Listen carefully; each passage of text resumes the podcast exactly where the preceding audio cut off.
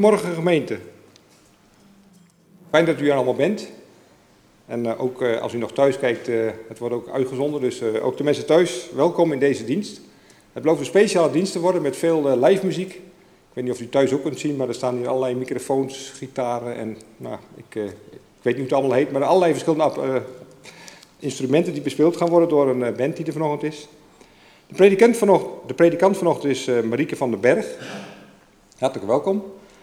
Mijn naam is Don den Hoed en ik ben vandaag ambtsdrager van dienst. Ik wens ons allen, hier in de kerk, maar ook thuis, een gezegende dienst. We zijn een moment stil om ons voor te bereiden op de ontmoeting met God.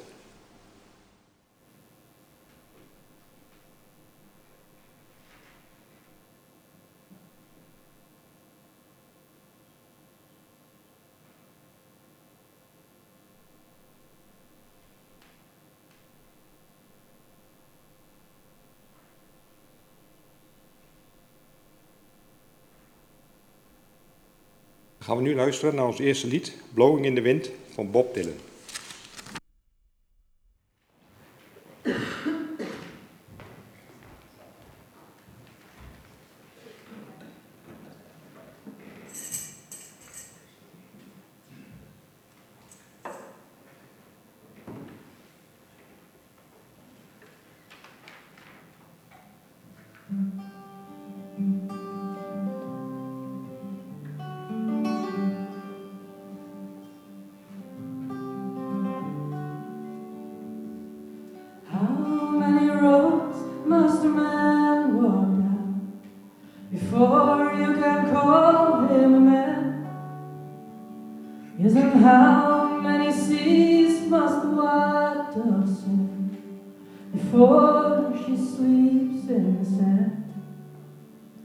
Yes, and how many times must the cannonball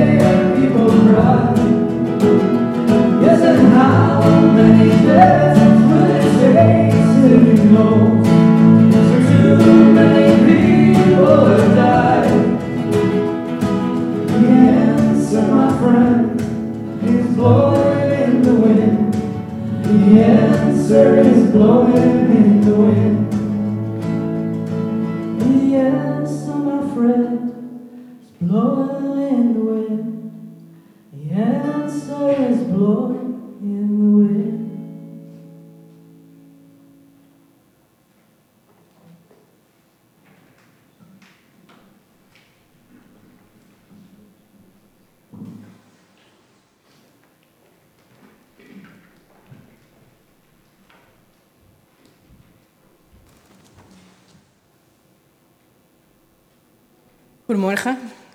Wie dat kan, mag gaan staan.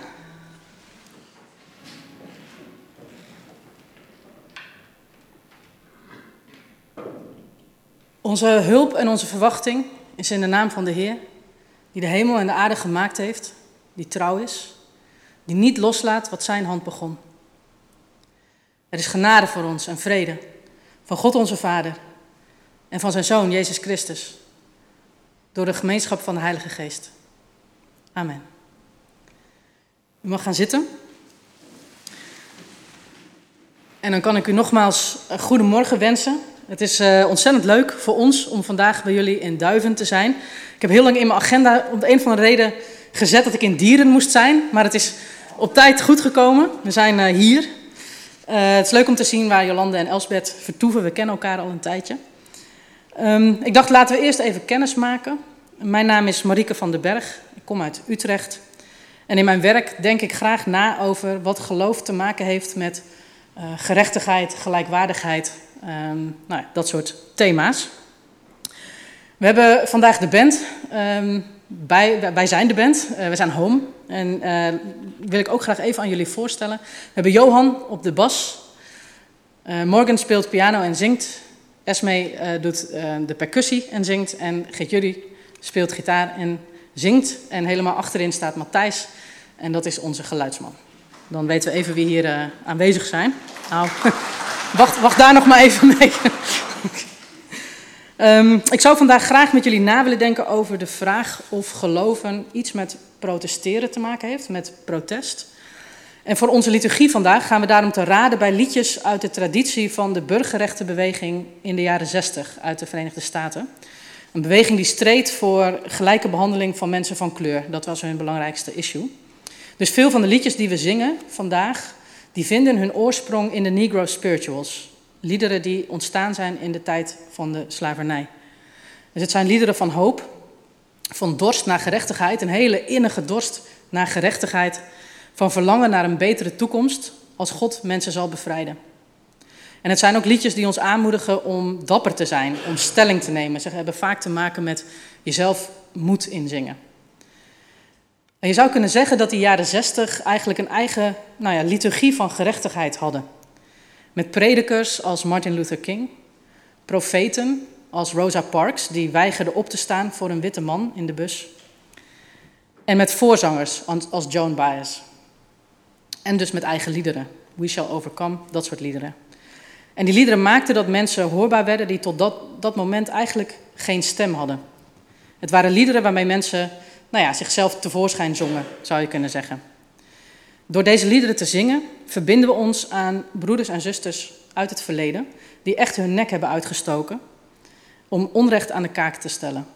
Het zijn geen liederen die je alleen maar zingt omdat ze zo lekker swingen, dat ook. Eh, maar het zijn ook liederen van solidariteit. En deze liederen kunnen ons ook iets laten voelen van de vreugde van protest. Want protest is vaak het begin van iets nieuws. En als je van vandaag één ding meeneemt straks, uh, aan het eind van de dienst, dan hoop ik dat het dit is: dat protest ten diepste een uiting is van hoop. Voor we deze dienst verder induiken, zou ik graag met jullie willen bidden. Uh, en ook dat doen we op een protestmanier. Want ik gebruik voor het gebed, het Kyrie-gebed, de woorden van het lied Where is the Love van de Black Eyed Peas. Dat is een uh, verzoeknummer dat Don heeft ingeleverd. Eh, we kunnen het niet echt zingen, want het is te hip-hop en rap-achtig. maar we kunnen het wel bidden. dus dat gaan we samen doen. Ehm, laten, we, laten we dat doen, laten we stil worden.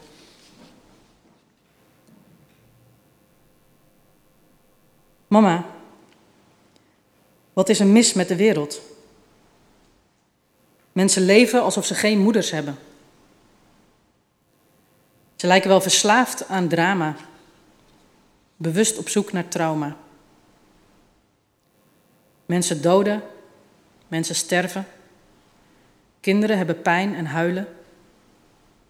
Lukt het ons om te doen wat we zeggen? Lukt het ons om de andere wang toe te keren? Vader, help ons. Geef ons een leidraad van boven. Want wij beginnen ons af te vragen Waar is de liefde? Het is niet meer zoals vroeger. Alles is veranderd en de wereld lijkt wel gek. Als liefde en vrede zo sterk zijn, hoe komt het dan dat er vormen van liefde zijn die niet geaccepteerd worden? en mensen lijken het wel op te geven. Ze maken verkeerde keuzes, respecteren elkaar niet meer. Het is oorlog, maar niemand weet de reden. En de oorzaak wordt onder het tapijt geveegd. Mensen doden, mensen sterven. Kinderen hebben pijn en huilen. Lukt het ons om te doen wat we zeggen? Lukt het ons om de andere wang toe te keren? Vader, help ons. Geef ons een leidraad van boven.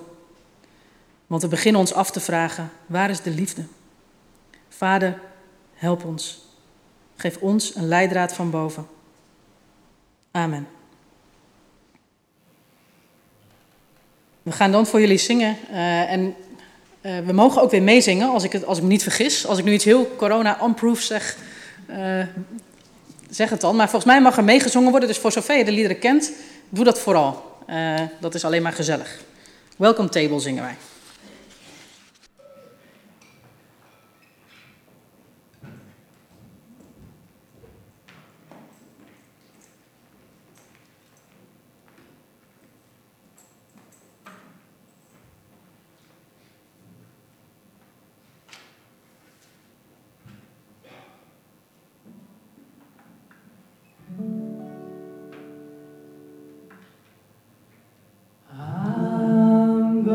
and welcome table. I'm gonna sit at the welcome table one of these days. I'm gonna sit at the welcome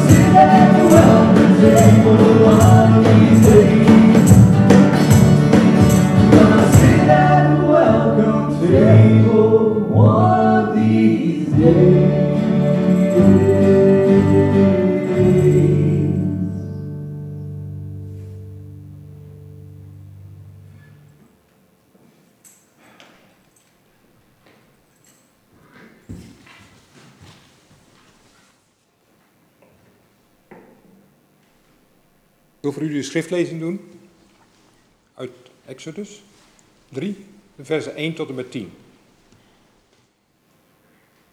Mozes was gewoon de schapen en geiten van zijn schoonvader Jethro, de Midjandische priester, te wijden. Eens dreef hij de kudde tot voorbij het steppenland. En zo kwam hij bij Horeb, de berg van God. En daar verscheen de engel van de Heer aan hem in een vuur uit een doornstreuk. Mozes zegt dat de struik in brand stond, maar niet door het vuur verteerd wordt. Hoe kan het dat de struik niet verbrandt, dacht hij. Ik ga dat wonderlijke verschijnsel eens van dichtbij bekijken. Toen de Heer zag dat Mozes dichterbij kwam, riep hij hem vanuit de struik: Mozes, Mozes. Ik luister, antwoordde Mozes. Kom niet dichterbij, waarschuwde de Heer, en trek je sandalen uit, want de grond waar je op staat is heilig. Ik ben de God van je vader, de God van Abraham, de God van Isaac en de God van Jacob. Mozes bedekte zijn gezicht, want hij durfde niet naar God te kijken. En de Heer zei: Ik heb gezien hoe ellendig mijn volk er in Egypte aan toe is. Ik heb hun jammerklachten over hun onderdrukkers gehoord. Ik weet hoe ze lijden. En daarom ben ik afgeleid. Om hen uit de macht van de Egyptenaren te bespreiden. En om hen uit Egypte naar een mooi, naar een mooi uitgestrekt land te brengen. Een land dat overvloeit van melk en honing.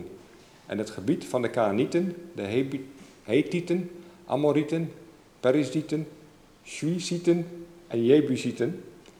De jammerklacht van de Israëlieten is tot mij doorgedrongen. En ik heb gezien hoe wreed de Egyptenaren hen onderdrukken. Daarom stuur ik jou naar de farao. Jij moet mijn volk, de Israëlieten, uit Egypte wegleiden.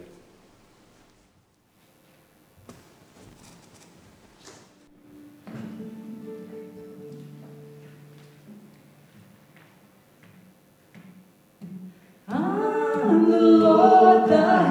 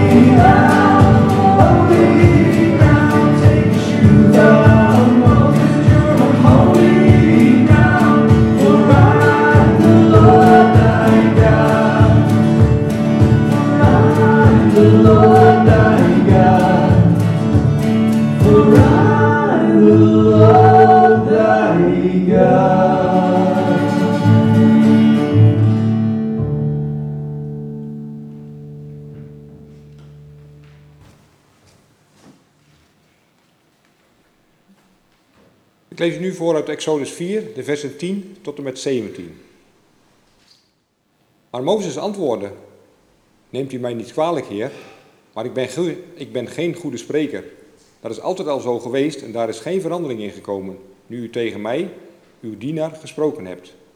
Ik kan nooit de juiste woorden vinden. De Heer zei, wie heeft de mens een mond gegeven? Wie maakt iemand stom of doof, zien of blind? Wie anders dan ik, de Heer? Ga nu, ik zal bij je zijn als je moet spreken en je de woorden in de mond leggen. Maar Mozes hield vol. Neemt u mij niet kwalijk, Heer? Stuur toch iemand anders, wie u maar wilt. Nu werd de Heer kwaad op Mozes. Je hebt een broer, je hebt toch een broer? De Leviet. Aaron, zei hij, ik weet dat hij wel bespraakt is.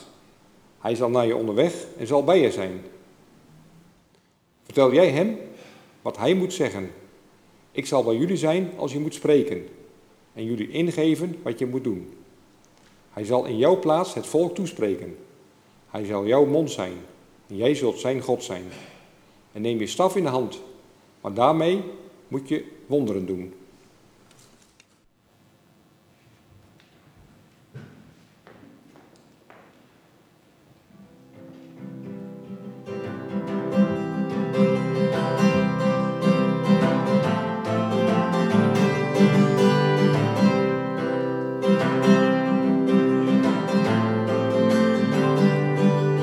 Be bold, be strong, for the Lord your God is with you. Be bold, be strong, for the Lord your God is with you.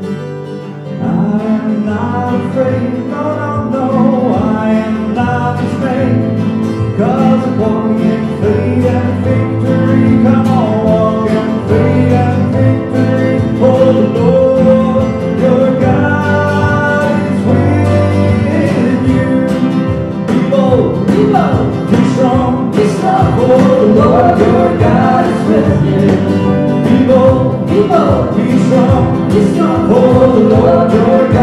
Yeah. you.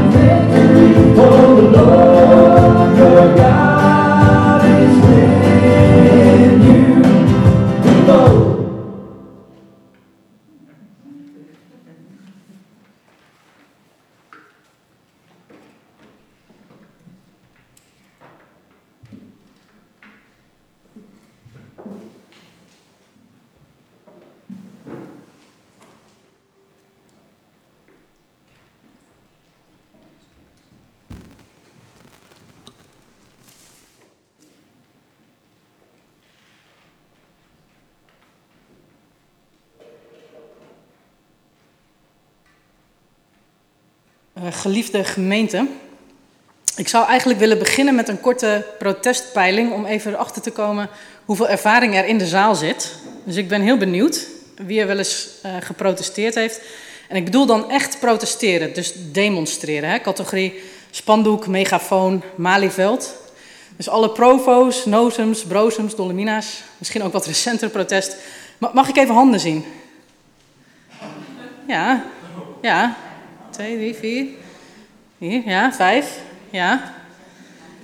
Zo'n. Ja, nou, ja. Heel goed, heel dapper. Bedankt. nou, dat is best, uh, best een aantal. Ik denk uh, misschien uh, nou, een derde of zo. Um, ik zal voor mezelf bekennen, ik heb niet een hele lange waslijst van demonstraties. Ik uh, doe dat niet wekelijks of zo. Ik sta hier ook niet als een protestexpert. Maar ik ben er wel over aan het denken gezet. Een aantal jaar geleden, toen Pegida in Utrecht kwam demonstreren tegen de islamisering van de samenleving. Toen kwamen een heleboel discussies, die altijd in de media plaatsvinden, heel dichtbij. Dat kwam naar mijn eigen statie. En ik kreeg toen wel echt heel sterk het gevoel dat ik daartegen in het verweer moest komen. Niet alleen maar iets vinden, maar ook iets doen. Er werd een tegenprotest georganiseerd. Nou, dat was letterlijk om de hoek van waar ik werkte, op Janskerkhof. En het was ook mooi weer. En hele leuke mensen die ik kende zouden ook gaan. Nou, dan kun je er eigenlijk niet meer aan ontkomen. Ik had geen excuus meer. Dus ik ging daarheen. En wat mij opviel bij die uh, demonstratie was dat het eigenlijk heel moeizaam ging. Heel stroef. Er waren wat sprekers van verschillende politieke partijen en een priester. En die probeerden wel om die paar honderd mensen die er waren een beetje op te zwepen. Er was een mevrouw van de Partij van de Arbeid die op een gegeven moment zei: We gaan nu leuzen roepen. Nou, als iemand tijdens een demonstratie zegt: We gaan nu leuzen roepen, dan weet je al hoe laat het is. Dan is het echt een stroeve demonstratie. Dus dat ging maar heel matig. Vluchtelingen, welkom, geen mens is illegaal. Dat stonden te fluisteren naast elkaar en dan een beetje kijken of de ander ook meedoet. En ik dacht, wat we nodig hebben, dat is een lied. We hebben echt een, een, een lied nodig, een simpel lied, dat iedereen kent, dat iedereen uit volle borst kan meezingen. Een strijdlied, een protestlied. Maar het lied, dat was er niet. En toen kreeg ik acuut heimwee naar de jaren zestig. Ik heb ze niet meegemaakt. Uh, dus het is een beetje lastig om daar heimwee naar te hebben. Ik ben van de jaren 80. Maar ik heb natuurlijk wel een soort beeld van hoe dat dan was in de jaren 60. de burgerrechtenbeweging, die arm in arm, uh, We Shall Overcome zingen. Uh, protestmarsen lopen, Martin Luther King die toespraken houdt. Uh, die eigenlijk ook preken waren. Bij hem viel dat samen, geloof en protest. En dan denk ik altijd, had ik maar in die tijd geleefd. dan had ik ook misschien het maagdenhuis kunnen bezetten, gitaar mee, Boudewijn de Grootliedjes zingen. En dan ben ik echt jaloers op de generatie van mijn ouders die opgroeiden in de jaren zestig en dat allemaal meemaakten. En als ik dat tegen mijn moeder zeg, dan zegt ze, doe niet zo mal. Denk je dat wij tijd hadden om met een gitaar in het maagdenhuis te zitten? Wij moesten gewoon huiswerk maken en koeien melken. Dus je moet het ook weer niet romantiseren, de jaren zestig. Niet iedereen zat in het maagdenhuis. En toch denk ik soms dat het misschien in die tijd makkelijker was om je mond open te trekken, ook als christen. Dat het makkelijker was om je geloof samen te laten vallen met uitgesproken maatschappelijk protest. Misschien omdat de hele samenleving geloviger was. Iedereen sprak, eh, de meeste mensen spraken dat soort taal. Uh, misschien ook omdat het toen meer in de lucht zat. Uh, ik weet het niet zo goed. En misschien klopt mijn beeld helemaal niet. Maar de vraag waar ik vanochtend met jullie over na zou willen denken is: um, geloof je in protesteren? We hebben van God een mond gekregen. Dat zegt God tegen Mozes. Wie heeft jou je mond gegeven? We hebben van God een mond gekregen. Moeten we die gebruiken om te protesteren? En wat zouden we dan willen zeggen? Hoe zou dat protest eruit kunnen zien? Zou het helpen? Zou het iets uitmaken? En is dat nou het belangrijkste dat je kunt vragen over protest? Misschien word je een beetje ongemakkelijk van deze vragen. Ikzelf in elk geval wel. Protesteren, dat past niet bij iedereen. En niet iedereen heeft een protestpersoonlijkheid. Mozes, om maar iemand te noemen, hij was ook niet echt een uitgesproken protestant. Hij kreeg eh, de opdracht van God om het volk te gaan bevrijden.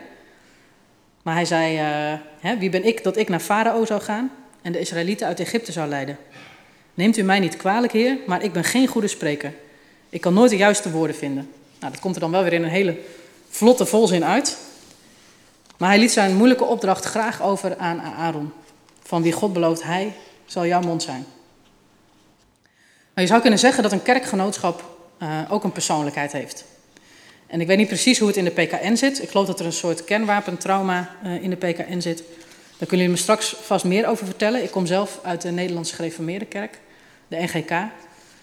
En ik denk dat de NGK-persoonlijkheid er in elk geval niet één is van protest dat is niet een uh, kerk van de spandoeken en de burgerlijke ongehoorzaamheid. Of de stevige politieke standpunten. Wij hebben geen protestpersoonlijkheid. Wij zijn in de NGK meer van het overleg en de commissies en de rapporten elkaar ontzien. Niet op het spits drijven, want voor je het weet heb je weer een kerkscheuring. Daar hebben we er in het verleden al genoeg van gehad. Dus als iemand anders onze mond kan zijn in het publieke domein, dan graag misschien dat GroenLinks of Bijeen of de FNV of Black Lives Matter onze Aaron kunnen zijn. En er zit ook wel iets in, in die voorzichtigheid. in het zoeken van dialoog, in het naar elkaar echt willen luisteren. Maar soms denk ik dat onder dat ideaal ook wel iets van angst schuilgaat. Dat het ons ook wel eens aan de moed ontbreekt om soms ook een heel duidelijk statement af te geven. Misschien omdat we een beetje lijden aan een christelijk Calimero-complex. We zijn maar een kleine minderheid in een seculiere samenleving. En als de samenleving ons ziet als een stelletje verzuurde museumstukken, rijp voor het archief, wie zou ons dan nog geloven en serieus nemen?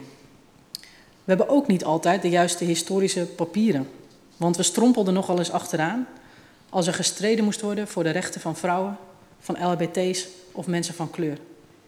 Dus wie zijn wij dat wij onze stem zouden verheffen en het volk zouden bevrijden?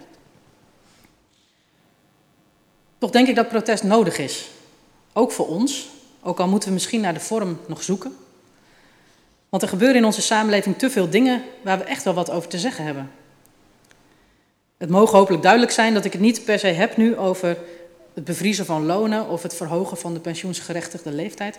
Dat zijn ook belangrijke dingen, maar waar ik het vandaag over heb, dat zijn echt momenten van sociaal onrecht. Momenten waarop je zegt, ho, uh, dit kan niet. Dit, hè, we moeten hier echt dit een halt toeroepen, want dit kan zo niet verder. Het gaat om onrecht dat misschien ook niet eens onszelf zo heel direct aangaat, maar anderen. En mensen die verdrinken in de Middellandse Zee. Uh, islamitische inwoners van ons land, die als tweederangs burgers worden gezien. Ons klimaat dat naar de knoppen gaat. Dat zijn dingen waarvan je toch met elkaar zegt: ho, dit kan niet. En wat ik denk is dat juist daar waar protest en geloof samenkomen, dat daar hele mooie dingen kunnen gebeuren. Dat er vormen van protest zijn, of nog bedacht kunnen worden, laten we ook uh, creatief zijn daarin, waar veel van ons zich echt wel in thuis kunnen voelen. Zonder dat we meteen hoeven te roeptoeteren op het Malieveld, hoewel ik dat ook van harte toejuich. Ik wil daarom een stelling voorleggen vandaag. En de stelling is: protest heeft een liturgie nodig. En de liturgie heeft protest nodig. Eerst even over het eerste deel van die stelling. Protest heeft een liturgie nodig. Misschien eerst even wat bedoelen we met liturgie? Nou, liturgie is alles wat we doen in de dienst op zondag om God te eren. Daarom komen we bij elkaar om te zingen en te bidden, uit de Bijbel te lezen, het avondmaal te vieren, de zegen te ontvangen. Door de liturgie, dat is het belangrijkste, proberen we eigenlijk om al iets van die werkelijkheid van God te proeven. We proberen in de liturgie ruimte te maken voor de Heilige Geest, zodat we ook nu al iets kunnen merken van het Koninkrijk van God. De liturgie is het voorgerecht van wat we hopen dat straks het hoofdgerecht zal zijn. En als ik zeg dat protest een liturgie nodig heeft, dan bedoel ik eigenlijk dat protest ook op die manier zou moeten werken, als een voorproefje. Dat protest het meest tot zijn recht komt als het liturgisch is. Als het iets laat zien van de werkelijkheid van God. Dus in de vorm die je kiest, moet eigenlijk al iets zichtbaar worden van datgene waar je naar streeft. En laat ik een voorbeeld geven van hoe dat eruit kan zien. We zien hier een foto uit Oslo, in Noorwegen. Daar was een aanslag op de synagoge. En daarna besloot de moslimgemeenschap uit Oslo om een Ring of Peace te maken, een ring van vrede. Dus met een grote groep mensen, moslims en niet-moslims, en maakte ze een grote beschermende cirkel om die synagoge heen en nog weer een kleinere cirkel uh, om binnen de mensen, zodat de Joodse inwoners van de stad in alle vrede en in alle rust hun gebed konden uitspreken. Nou, dit is precies zo'n vorm van protest die een voorproefje is van waar je graag naartoe wil. Een samenleving waar moslims, joden, christenen, uh, mensen die niet geloven, in vrede met elkaar kunnen samenleven en zodat wie wil op zoek kan naar God. Dus de vorm van protest laat niet zozeer of niet alleen maar zien waar je tegen bent, maar echt goed protest, naar mijn mening, is protest dat ook laat zien waar je voor bent, waar je naartoe wil. Dus liturgisch protest is niet hetzelfde als zomaar wat roepen. Het neemt de vorm aan van een uitnodiging, zoals ook onze diensten uh, dat proberen te zijn. Een uitnodiging. Kom bij ons, kom bij ons in de kring, kom bij ons aan tafel. Wat wij, wij, wij christenen, te bieden hebben aan het maatschappelijk protest, dat is ook wel dat liturgisch vernuft en liturgische creativiteit. Veel van ons zijn daarin gepokt en gemazeld. Ik denk dat veel van ons zijn groot geworden in de kerk. Nou, je hebt de liturgie met de paplepel ingegoten gekregen. Dus we hebben een grote schat aan verhalen, aan liederen, rituelen, ook wel manieren om voor elkaar te zorgen. Daar is de kerk ook in gespecialiseerd. En die kunnen we inzetten wanneer we samen met anderen willen laten horen: ho, dit kan niet. Dus laten we met elkaar zoeken, ook blijven zoeken, naar creatieve manieren van protesteren die een uitnodiging zijn. Die iets laten zien van de werkelijkheid van God. Omgekeerd kun je stellen dat onze liturgie, hè, wat er gebeurt in de kerk, dat het ook protest nodig heeft. Dat wat op zondag in de kerk gebeurt, dat het niet losstaat van het protest dat klinkt in de maatschappij. Want er zit iets profetisch in hedendaagse protestbewegingen. En we kunnen daar echt veel van leren. Die kunnen voor heilige opschudding zorgen als wij in de kerk in slaap dreigen te sukkelen. Van protestbewegingen kunnen we bijvoorbeeld leren hoe je ermee om moet gaan dat protesteren vaak betekent ja, dat je je kwetsbaar opstelt. Martin Luther King die wist dat hij door de manier waarop hij zich gedroeg, de manier waarop hij uh, naar buiten trad, dat hij waarschijnlijk niet oud zou worden. Hij, hij wist dat, hij, dat de kans dat hij een oude man zou worden, dat die echt heel erg klein was. En toch ging hij de straat op. Wanneer LHBT-mensen in Rusland protesteren tegen hun ongelijke behandeling. Uh, ik heb een aantal van hen gesproken pas op een conferentie. En zij zeiden, ja, wij moeten altijd nog maar afwachten of de politie aan onze kant staat. Of aan de kant van de hooligans die ons met knuppels tegemoet komen. We kunnen er niet op rekenen, we weten het niet. Soms doet de politie gewoon met de hooligans mee. Nou, in Nederland zijn de risico's uh, iets minder groot doorgaans. Maar protesteren betekent ook hier uh, kwetsbaar zijn. Je kunt uitgelachen worden door collega's die langs fietsen. Um, zeker als je daar staat met een heel klein, knullig groepje met snel in elkaar geflanste borden. Collega's kunnen jou herkennen uh, als ze langskomen op tv, als ze aan het winkelen zijn. En ja, er zit ook een soort stem in je, in je hoofd hè, die jou kwetsbaar maakt. Een, een stem die jou zelf toefluistert dat je een beetje belachelijk bent. Uh, tenminste, dat is mijn ervaring. En wat protestbewegingen dan doen, is ze brengen een soort goedspa. Hè, een soort bravoure met zich mee. Vaak ook een flinke dosis humor en relativeringsvermogen. Nou, komen wat komt, ik trek mijn mond open. Dus protestbewegingen kunnen ons leren om moedig te zijn als we verlamd raken door ons Calimero-complex of onze angst voor reputatieschade. Je zou kunnen zeggen, God heeft ons een mond gegeven en protestbewegingen een megafoon. Wat we ook van protestbewegingen kunnen leren is dat ze heel direct zijn in het benoemen van wat er verkeerd gaat. Ik heb lang bij mezelf gedacht, het is een beetje snobistisch, maar het is wel waar. Ik heb lang bij mezelf gedacht, als het op een spandoek past, dan kan het nooit genuanceerd genoeg zijn. Maar ik heb ook geleerd dat je verstrikt kunt raken in nuance. Altijd maar blijven afwegen. Aan de ene kant, aan de andere kant. Er is dat gezichtspunt, er is dat gezichtspunt. Maar soms is het nodig om echt wel even heel duidelijk te zijn. Een heel duidelijk nee te laten klinken. Ja, en tuurlijk kan er daarna verder gepraat. Als we ons oor te luisteren leggen bij protestbewegingen, dan kunnen we voorkomen dat ons kerkelijk spreken over gerechtigheid, want daar gaat het natuurlijk wel heel vaak over in de kerk, dan kunnen we voorkomen dat dat spreken uiteindelijk inhoudsloos blijft of ergens blijft zweven. Of dat gerechtigheid in ons brein zich nestelt als, nestelt als iets dat altijd ergens anders moet plaatsvinden. In uh, nou, Afrika of in islamitische landen of in het zuiden van de Verenigde Staten.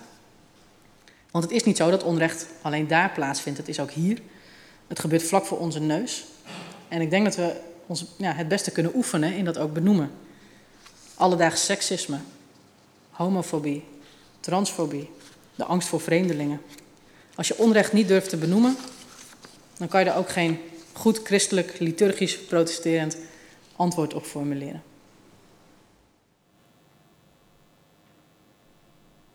Dan tot slot.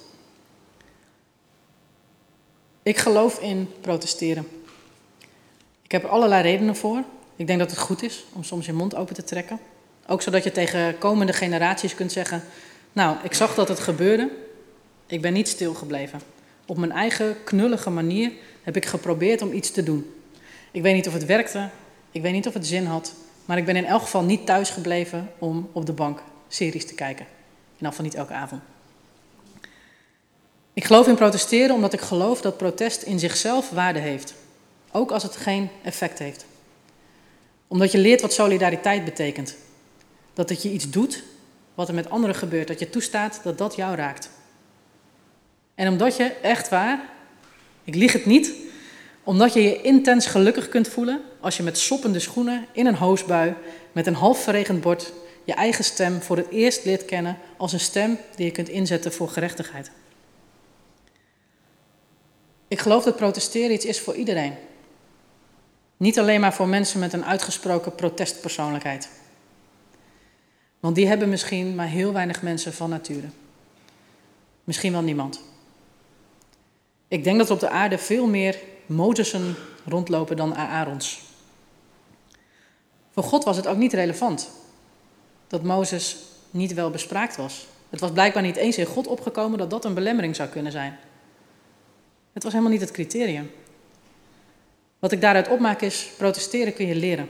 En het helpt als je dan samen met elkaar, voor elkaar, een Aaron kunt zijn.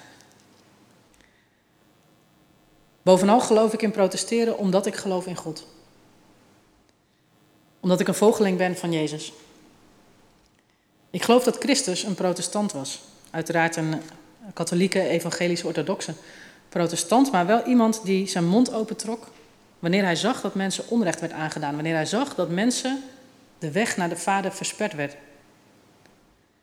Voor hem vielen de liefde voor zijn hemelse vader en protest aantekenen samen. Natuurlijk kwam hij in het verweer als hij zag dat mensen onrecht werd aangedaan.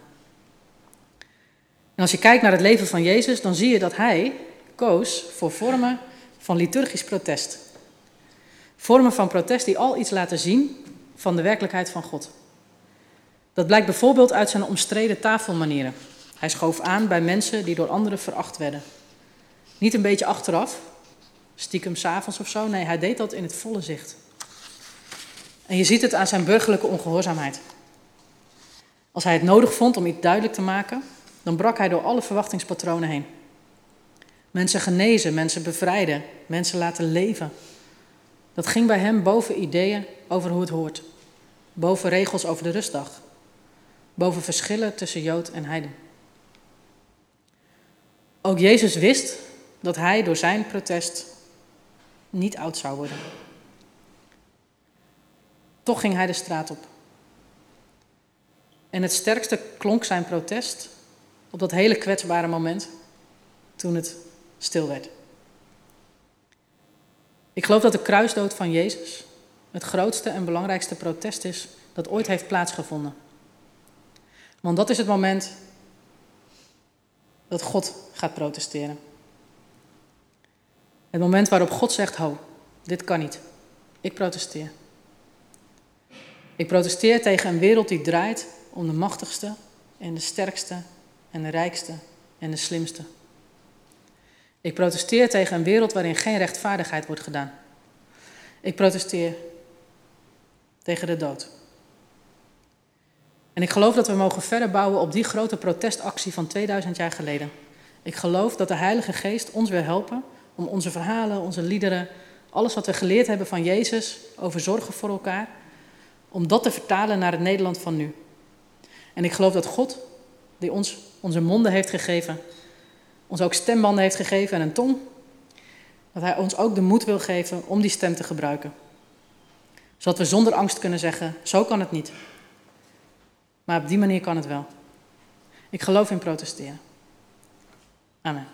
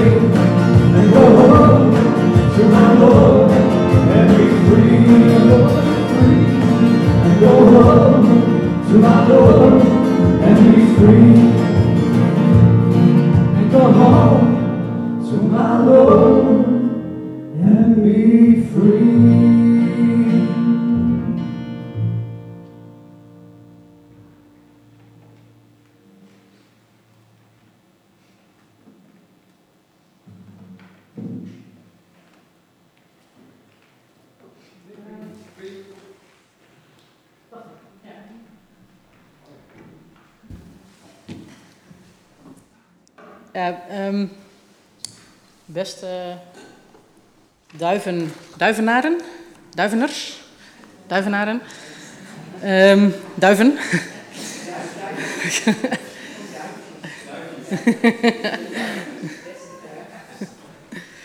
We zijn aangekomen bij het spannendste moment van de dienst. Uh, het heet de Doe Megafoon. En dat is een uh, oefenmoment, een oefenmoment in protest. Uh, in het meest ideale geval zouden we een megafoon doorgeven, waar je dan een proteststatement in kunt zeggen. Maar gezien nou, dat de coronamaatregelen nog niet helemaal zijn opgeheven en het ook nog niet helemaal goed is gekomen, uh, doen we dat niet. Uh, ik heb wel een megafoon meegenomen Ik had hem aangeschaft voor deze dienst. En ik had niet goed opgelet hoe groot hij was. Dus ik had hem besteld op bol.com. Hij hangt daar. Hij is, uh, denk ik, uh, nou, uh, 10 centimeter lang of zo. dus het is niet een, een, megafoon waar je nou direct verschrikkelijk veel indruk mee maakt. Ik had hem meegenomen als liturgisch object dan maar. maar de doe-megafoon, dat, ehm, dat betekent eigenlijk dat je even mag nadenken waar je tegen zou willen protesteren.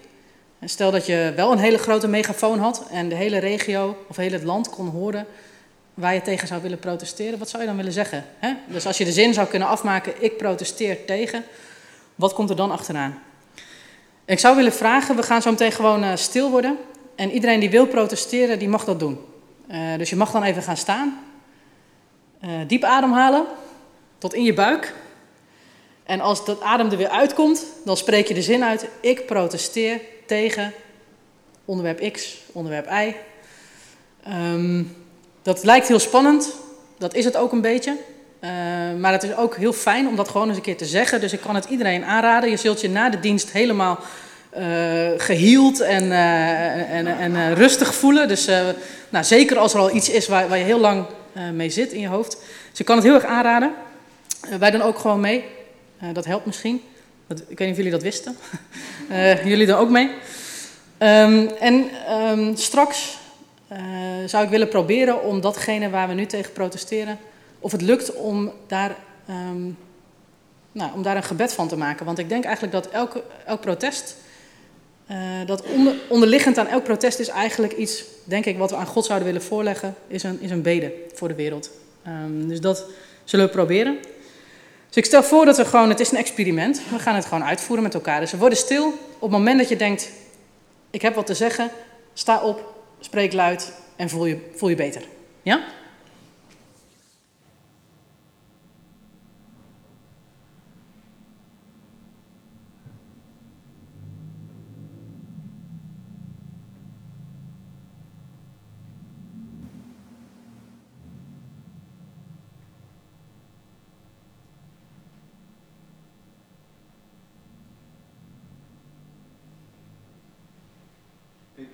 Tegen een overheid die mensen moeilijk maakt om gewoon een inkomen te kunnen verdienen.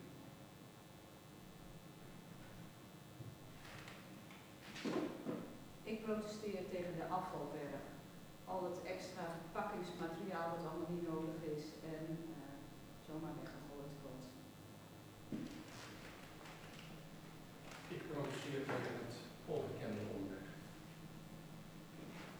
Ik dat we dit jaar al 400 mm regen hebben gehad na drie vorige jaren. En dat we dit allemaal maar zo door onze regenpijp weg laten lopen zonder dat we er iets mee doen.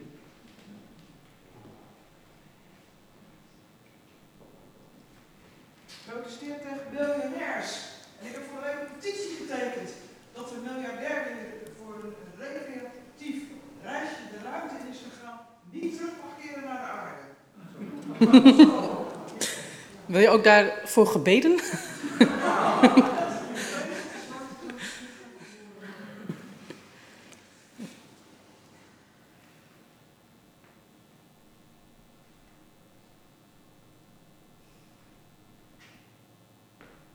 protesteer dat we de opbrengst van de aarde niet evenredig kunnen verdelen onder alle mensen, dat iedereen genoeg heeft.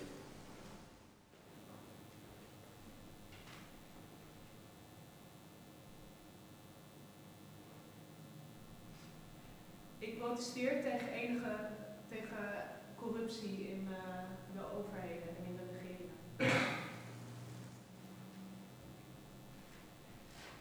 Ik spreek de wens uit dat onze kerken weer het item oppakken van 30 jaar geleden.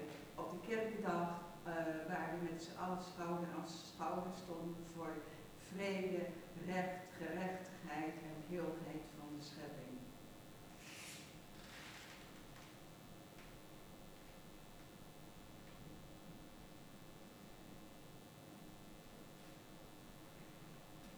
protesteert tegen het onmenselijke optreden van Europa en van landen ten opzichte van vluchtelingen in de wereld.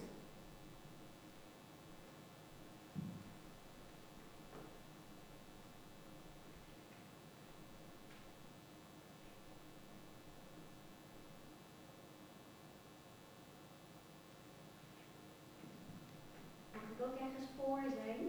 Dat mag. Ik protesteer voor.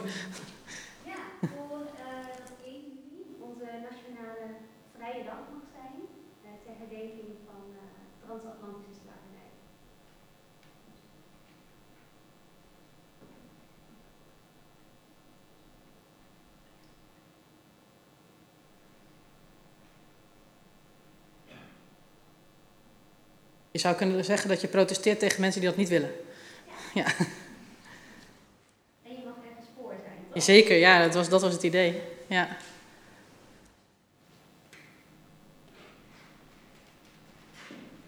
Ik protesteer tegen complotdenkers, de maatschappelijke onrust die zij veroorzaken.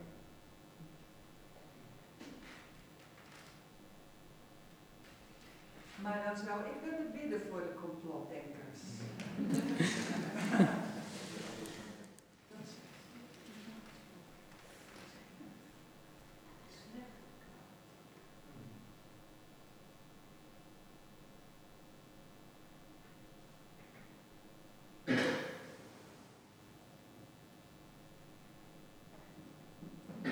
Ik protesteer tegen de dictators in deze wereld, die hele volken in hun greep houden.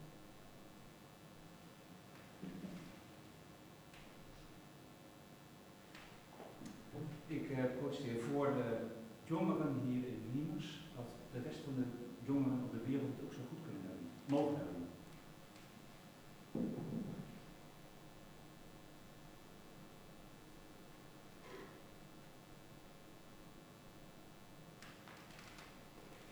Mag ik nog een keer protesteren? Dat mag zo vaak als je wil. Ik protesteer tegen de hoge huizenprijzen. Dat we die met z'n allen in stand houden, waardoor jongeren, ook in Niemers, niet altijd een huis krijgen, maar vooral de rest van Nederland.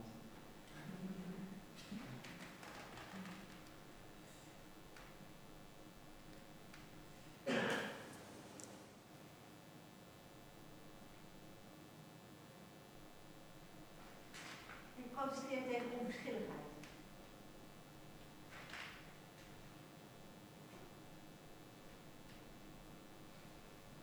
Ik protesteer voor meer wijsheid in de onderwijssystemen.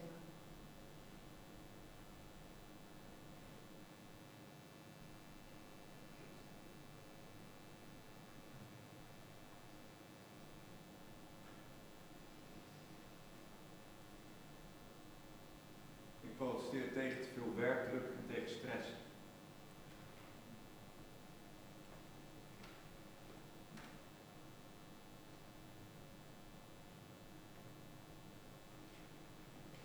Ik protesteer tegen onverdraagzaamheid.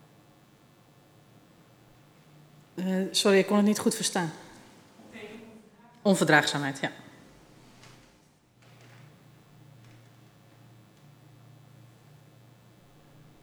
Ik had het on niet goed verstaan. En toen dacht ik, ik zal toch nog even vragen hoe het zit.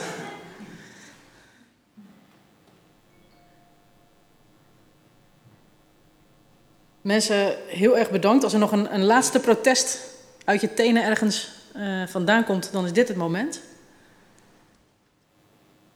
Ja. Ik protestdiensten. Oh.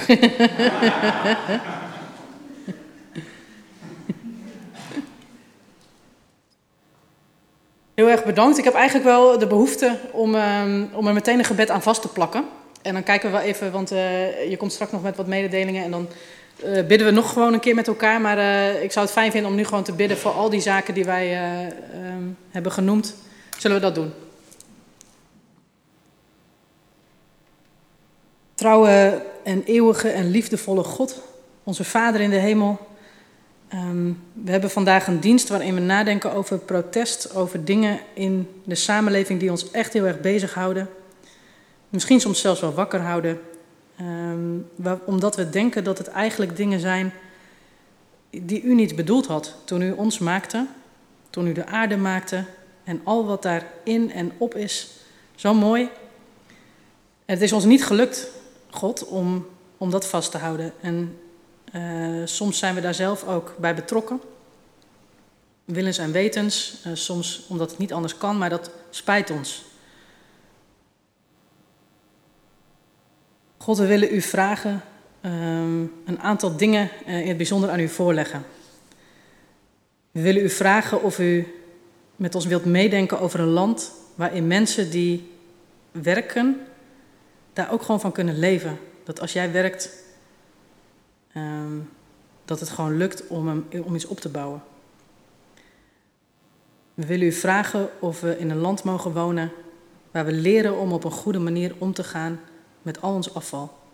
Om ons afval te verminderen, om onze voetafdruk te verkleinen, om de aarde te respecteren zoals u die in eerste instantie aan ons te leen hebt gegeven. We willen u vragen of u ons wilt helpen om ons te keren tegen onrecht.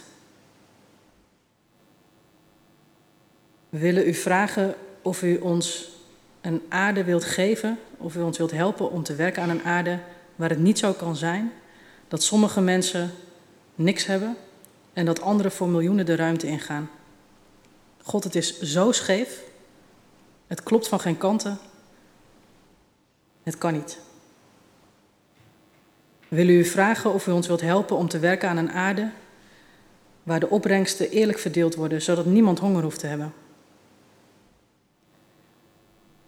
Willen u vragen of u ons verstand wilt geven om op een goede manier om te gaan met al het goede dat u ons geeft. Met, met de regen die nu zomaar, hè, u geeft het ons. U zegt, alsjeblieft, hier is het, water, wat een zegen. En het stroomt gewoon weg. We willen u bidden voor de leiders op onze wereld. In onze wereld. Mensen die uh, soms zich ontpoppen als, als dictator, die soms op een corrupte manier leiding geven. En we weten dat het niet makkelijk is om in een positie te zitten van veel macht. Maar God, de mensen die macht hebben, wilt u ze helpen om op, op een goede manier te gebruiken, zodat we terug kunnen keren bij een wereld die wel lijkt op hè, wat er 30 jaar geleden op de agenda stond. Vrede, recht, gerechtigheid en heelheid van de schepping. We willen u vragen voor de grenzen van Europa. We hebben daar hekken gebouwd. We sturen daar mensen weer terug. God wil, wilt u ons een Europa geven dat gastvrij is, dat zich herinnert het verleden, dat zich een andere toekomst kan voorstellen. Een toekomst waarbij hoort dat mensen welkom zijn.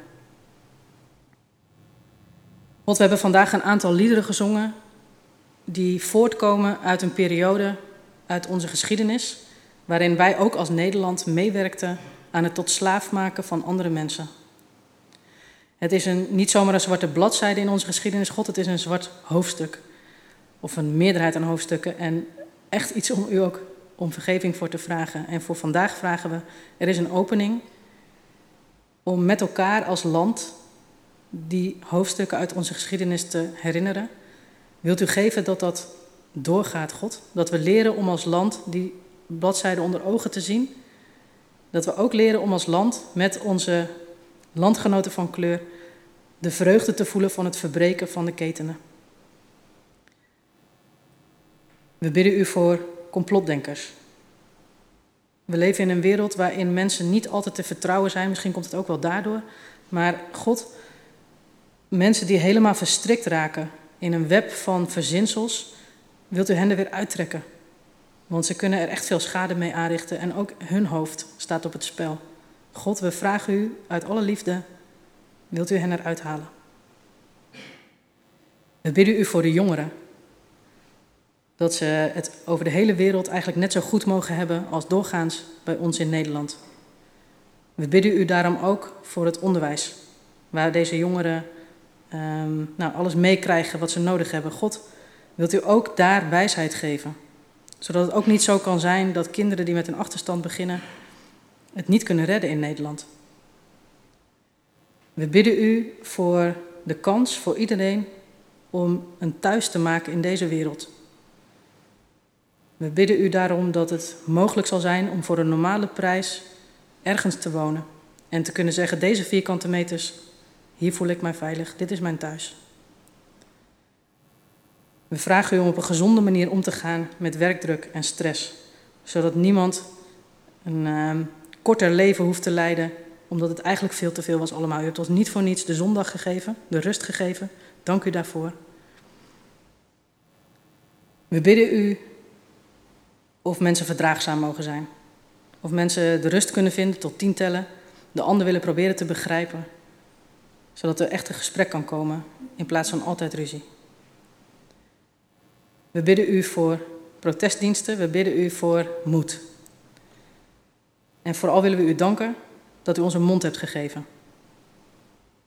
We willen u danken dat u ons eigenlijk alles hebt gegeven wat nodig is om het op deze aarde op een goede manier met elkaar uit te houden en iets moois op te bouwen. God, we leggen alle deze dingen voor u neer. In de hoop dat u ons wilt zegenen, dat u ons wilt bijstaan. En we vertrouwen op dat dat het geval is. We bidden u dit alles in naam van uw Zoon, Jezus Christus. Amen.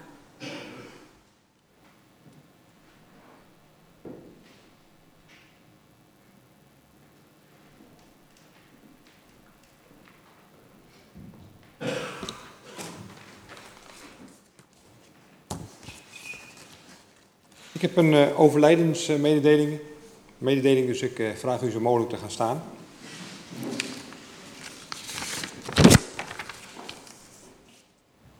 Op 22 juni is op 83-jarige leeftijd de heer Willem Cornelis van den Assem aan de Kolenbranderstraat overleden. We hebben zijn kaart gehad en er staat een gedicht op. Dat wil ik u voorlezen. Als ik wakker lig, wees bij mij, vooral in de nachten. Als ik wakker lig en alles in mij begint te spoken. Buiten is het verstikkend stil. Op mijn netvlies draait mijn hele leven in flarden voorbij. Ik word erin meegesleurd, heen en weer gegooid. Ik ben bang om erin te verdrinken.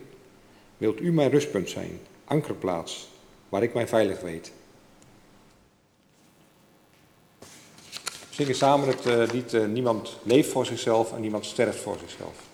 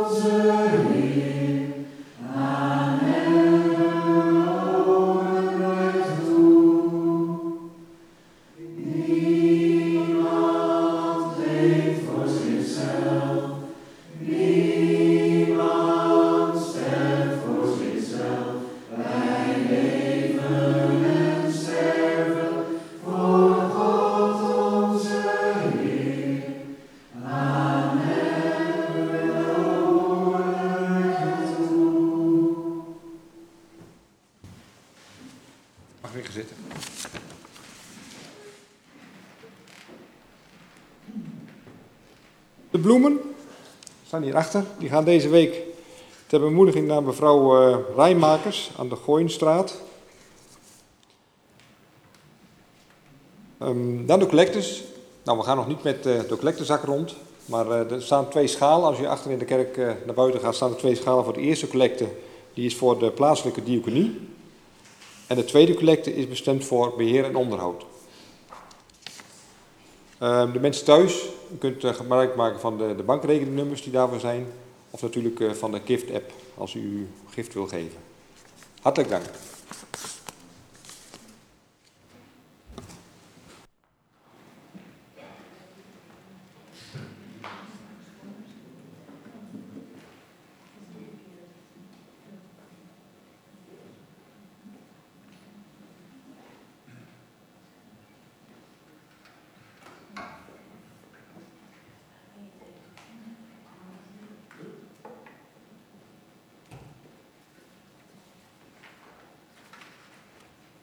zingen ons slotlied. Ik denk dat dat er nou eentje is die uh, ongeveer wel wel kennen en mee kan zingen. Dus misschien is het een idee, uh, als je dat kunt, om te staan voor het slotlied.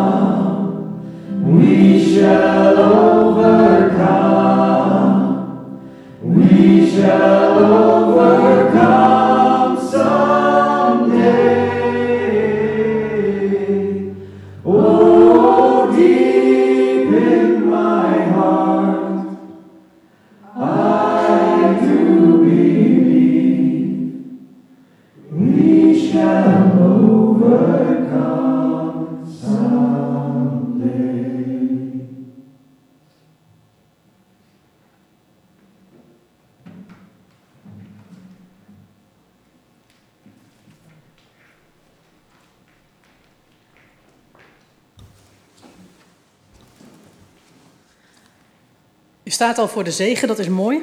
Ehm, na de zegen zingen we ehm, een laatste lied, namelijk Forever Young van Bob Dylan. Dat is ook een lied dat is ehm, aangedragen vooraf. Eh, bedankt voor de, de inzendingen trouwens. Het is niet gelukt om alles te spelen, maar we hebben zelf ook weer nieuwe dingen geleerd. Dus dat is heel erg fijn, kunnen we meenemen. Forever Young werd aangedragen door Paul. Eh, die kan er vandaag eh, helaas niet bij zijn. Kijkt hij mee, Paul? Eh, compleet met Nederlandse vertaling. Ho, kreeg ik allemaal in de mail. Heel fijn. En als je meer wil leren over protest, dan moet je Paul daarna vragen, want dat is echt een protestveteraan. Ja. Ehm, dus we, eh, van de aangedragen liederen kozen we voor deze, omdat het een heel mooi lied is aan het eind van de dienst. Het is een heel mooi, mooie zegenbede eigenlijk. Eh, het leek ons mooi om dat daarmee af te sluiten zo. Ik weet niet zeker of ik iedereen zou willen toewensen om forever young te blijven. Dus ik denk er zelf in gedachten altijd aan, may you stay forever young van geest. Eh, omdat ik denk dat ouder worden eh, eh, prima is en mooi. Ehm, laten we eerst samen bidden om de, om de zegen van God. De genade van de Heer Jezus Christus, de liefde van God en de nabijheid van de Heilige Geest zijn met ons allen. Amen.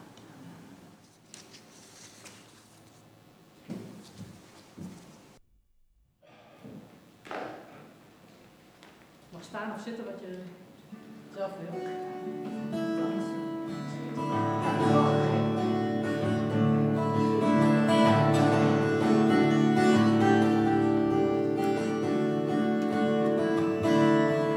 May God bless and keep you all. May your wishes all come true. May you always do for others and let others